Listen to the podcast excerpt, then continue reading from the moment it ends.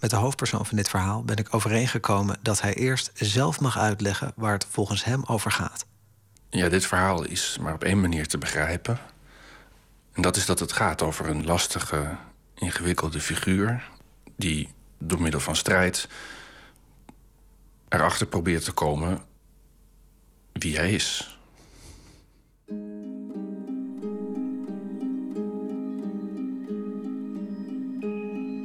De lastige, eigenwijze figuur in dit verhaal?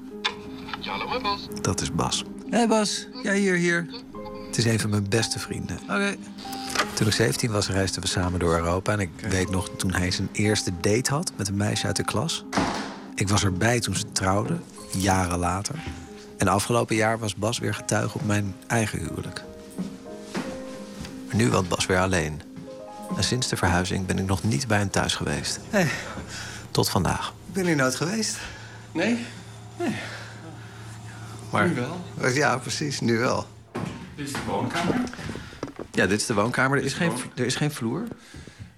Nee.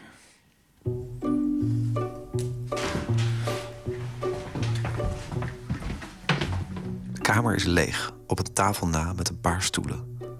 Tegels voor een ondervloer liggen opgestapeld in een hoek. Het ziet eruit alsof Bas er net is ingetrokken. Maar nee. Ja, ik woon hier dus al vier jaar. Twee jaar heb ik eigenlijk niks aan willen doen, omdat ik niet tevreden was dat ik hier ging wonen. Dat had te maken dat ik gescheiden was. Dat wilde ik niet. En daar was ik nogal koppig in. Als je je huis opknapt, dan, dan heb je natuurlijk al een zekere acceptatie gevonden dat je hier woont. En dat deed ik dus daarom niet. Dat is de reden dat ik hier nog niet geweest ben. Is dat je er vier Ik heb jaar. overigens bedacht die je beter kan interviewen dan hij. Bas en ik hadden afgesproken dat ik langs mocht komen met mijn opnameapparatuur. Maar ineens begint hij over een hele reeks mensen die ik beter zou kunnen interviewen dan hem. Ik probeer hem ervan te overtuigen dat ik toch echt bij hem wil zijn. Maar dan? Dan zegt hij niks meer. Waar denk je? Eh, er komen geen gedachten. Mijn oog valt op een sticker die Bas schijnbaar gedachteloos kale muur heeft geplakt. Er staat op: voorzichtig, breekbaar.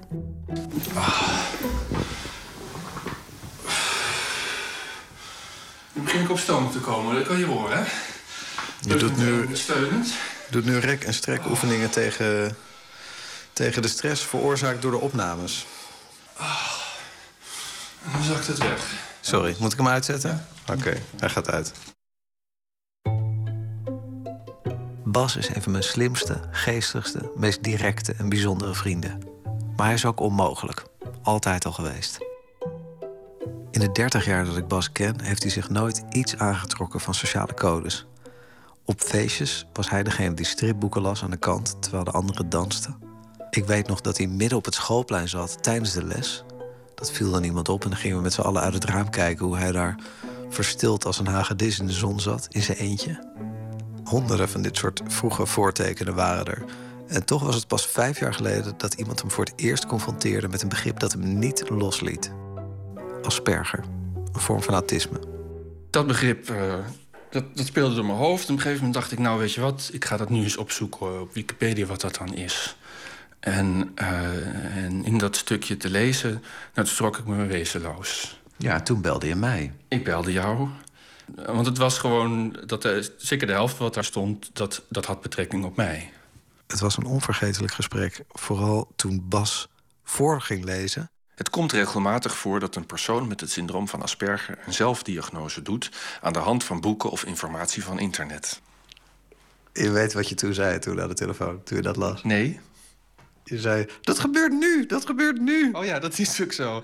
Ja, dat was heel griezelig. Je klonk, weet ik ook nog, eh, boos. Ja, ik was ook kwaad. Ik was ook kwaad. Ehm, ja, ieder mens eh, wil graag denken dat hij uniek is. En dan blijk je een karakter te hebben wat, waar, eh, waar een hele bibliotheek over is geschreven. Dat is wel raar.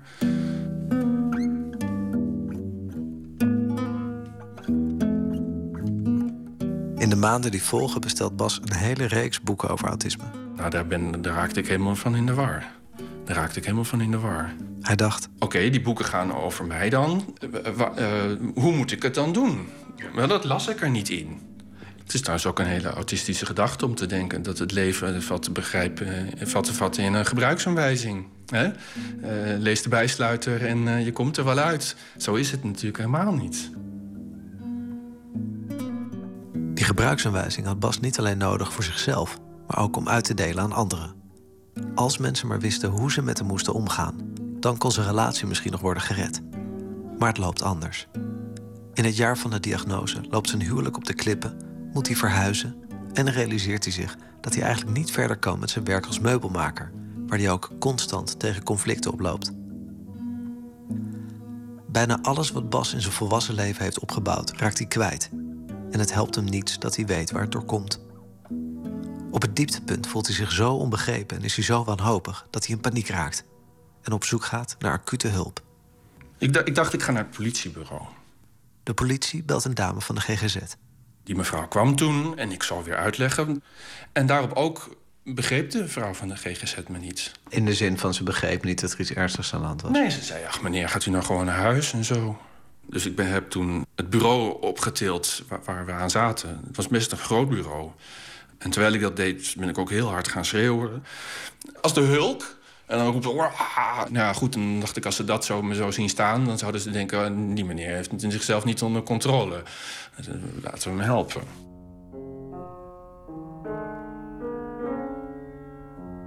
Na enkele maanden komt er een officiële diagnose en kan Bas verder met de eerste stap in zijn nieuwe leven: het vinden van passend werk. Ik heb Bas overgenomen van een collega van mij. Die kreeg eigenlijk ruzie met Bas. En omdat ik veel met Aspergers werk, werd ik ingevlogen om met Bas aan de slag te gaan. Via het UWV wordt Bas gekoppeld aan jobcoach Geraldine Groot. Ze is gespecialiseerd in het werken met mensen met autisme. Maar Bas blijkt een geval apart. Zo weigert hij het zogenaamde reïntegratieplan te tekenen, wat eigenlijk een formaliteit zou moeten zijn. En uiteindelijk is besloten eh, dat Bas het zelf ging schrijven. En dat was ook voor het eerst dat ik dat meemaakte. Dat de cliënt zei: geef maar hier, ik ga het zelf doen.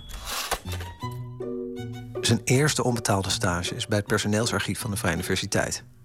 Al snel merkt hij dat het werk beter en efficiënter zou kunnen. Ik houd van dingen precies en nauwgezet te doen. En als dat niet kan, voel ik veel onvrede. Maar zijn leidinggevende laat zich niet overtuigen. En wat misschien ook niet echt helpt, is Bas' een houding. Ik had eigenlijk ook al bedacht dat ik hem een flapdrol vond. En dus schrijft Bas ongevraagd een verslag met analyses en aanbevelingen dat hij doorstuurt aan de directie. Met veel plezier werk ik op het personeelsarchief. Daarbij viel het een en ander op dat met een steekproef is geverifieerd. Dat voorkomt dat mappen worden overgeslagen die op een andere afdeling liggen. Dat dubbel werk wordt gedaan. Hij schreef mij wel later een mail dat hij, en dat heb ik ook nog opgeschreven. ehm, op mijn tweede werkdag wist ik reeds alles. Dat te communiceren is een ander verhaal. Ik hoop jullie hiermee van dienst te zijn geweest. Met vriendelijke groet, Bas. De tweede onbetaalde stage is bij een technisch tekenbureau. Zijn chef vraagt hem te kijken in de boekhouding, waar volgens hem dingen niet kloppen. En hoewel zijn nieuwe collega's hem waarschuwen dat er echt niks te vinden valt, denkt Bas: Ik dacht, we zullen wel zien.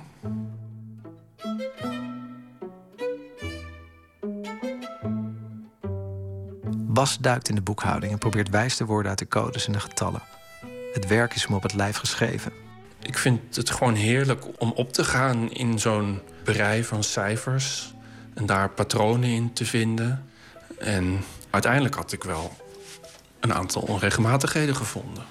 Opnieuw schrijft Bas een verslag, waar zijn chef uitermate tevreden mee is. En hij zei, maar Bas, met deze papieren heb je me nu laten zien dat ik een punt heb. Dat het inderdaad dingen in de boekhouding niet zijn zoals ze moeten zijn. Maar Bas kan niet blijven bij het tekenbureau. En dus keert hij terug bij zijn jobcoach. Ze kwam toen met het idee dat ik natuurbeheer zou gaan doen. Met een hooivork, de bermen van sloten vrijhouden, bomen snoeien, putjes dreggen. En toen dacht ik bij mezelf... nou, volgens mij is uit die stages toch iets anders gebleken. Uiteindelijk doet Bas waar hij het beste in is. En toen heb ik een klein rapport geschreven. Hij schrijft een rapport over zichzelf. Cliënt is een man in de leeftijd van 39 jaar. De. Cliënt ervaart dat door oefening hij uiteindelijk meer rust vindt. Nu heeft hij daartoe het juiste gereedschap. Een uitdaging van niveau is omwille van zijn natuur een vereiste. Hij beschikt daartoe. De belangrijkste competenties zijn nauwkeurig, kritisch en logisch nadenken, doorzettingsvermogen, rapporten schrijven. In alle boeken over autisme kon Bas geen gebruiksaanwijzing vinden over hoe hij moest leven en hoe anderen met hem zouden moeten omgaan. Maar dit rapport komt eigenlijk goed in de buurt. Inmiddels weet Bas zoveel over zichzelf dat hij eigenlijk de enige was die het had kunnen schrijven. Geschreven door hemzelf, JSO Wierda, Amsterdam, 21 oktober. De successen op het werk, die hij mede te danken heeft aan zijn autisme, hebben Bas zijn waardigheid teruggegeven. Hij weet nu niet alleen waar zijn beperkingen liggen, maar ook wat hij wel kan. Het gevolg is dat hij minder in strijd is met zijn omgeving, dat hij socialer is en minder rapporten schrijft. Maar nu moet ik oppassen, want ik mag er van Bas geen juichverhaal van maken. En terecht ook. Betaald werk heeft hij nog steeds niet. Zijn huis is een puinhoop en hij heeft zijn leven niet op orde. Maar toch ziet ook hij een lichte vooruitgang in hoe hij erin slaagt om te leven met zijn karakter, waar nu eenmaal niet aan te ontsnappen valt. Ik ben nog steeds niet altijd iemand die snel het contact zoekt, die soms in de war raakt over wat mensen allemaal zeggen en wat ze bedoelen. Maar ik ben niet meer die persoon die daarom zo ongelukkig is dat hij vol boze gedachten in zichzelf gekeerd, turend naar de stoeptegels, zich met grote stappen voortstampend een weg baant.